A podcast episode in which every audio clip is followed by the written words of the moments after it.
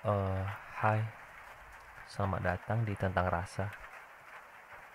Di awal ini, aku coba memperkenalkan apa sih tentang rasa. Pasti dari sebagian kalian sudah terpikir, apa itu tentang rasa. Dan untuk yang belum, bisa coba untuk mendengarkan. Kebanyakan manusia memiliki persepsi berbeda akan sebuah hal. Entah itu tentang kebahagiaan ataupun kesedihan. Ada manusia yang bahagia hanya dengan makan dan minum. Tapi juga ada manusia yang merasa sedih hanya dengan makan dan minum. Ada pula yang bahagia dengan rumah yang dimilikinya.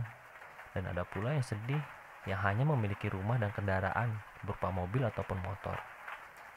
Semua hal itu ada sebuah persepsi yang manusia buat melalui sebuah perhitungan logika yang sering kita sebut tolak ukur. Begitupun tentang rasa. Banyak persepsi dari manusia menyimpulkan rasa melalui tolak ukurnya. Misalkan, aku bahagia hanya dengan melihat kamu bahagia.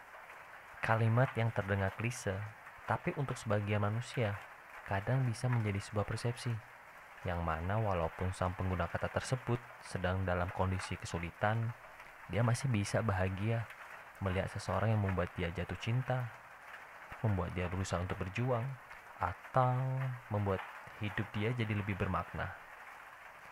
Jadi, dari analogi tersebut, secara tak sadar kalian bisa menggambarkan apa itu tentang rasa.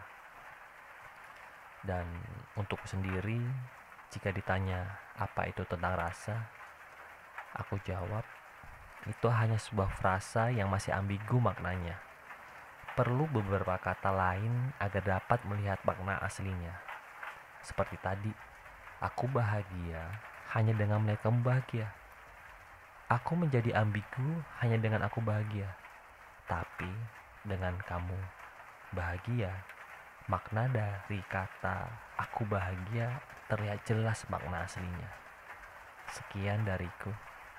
Sampai jumpa di hari aku bisa meluangkan waktuku.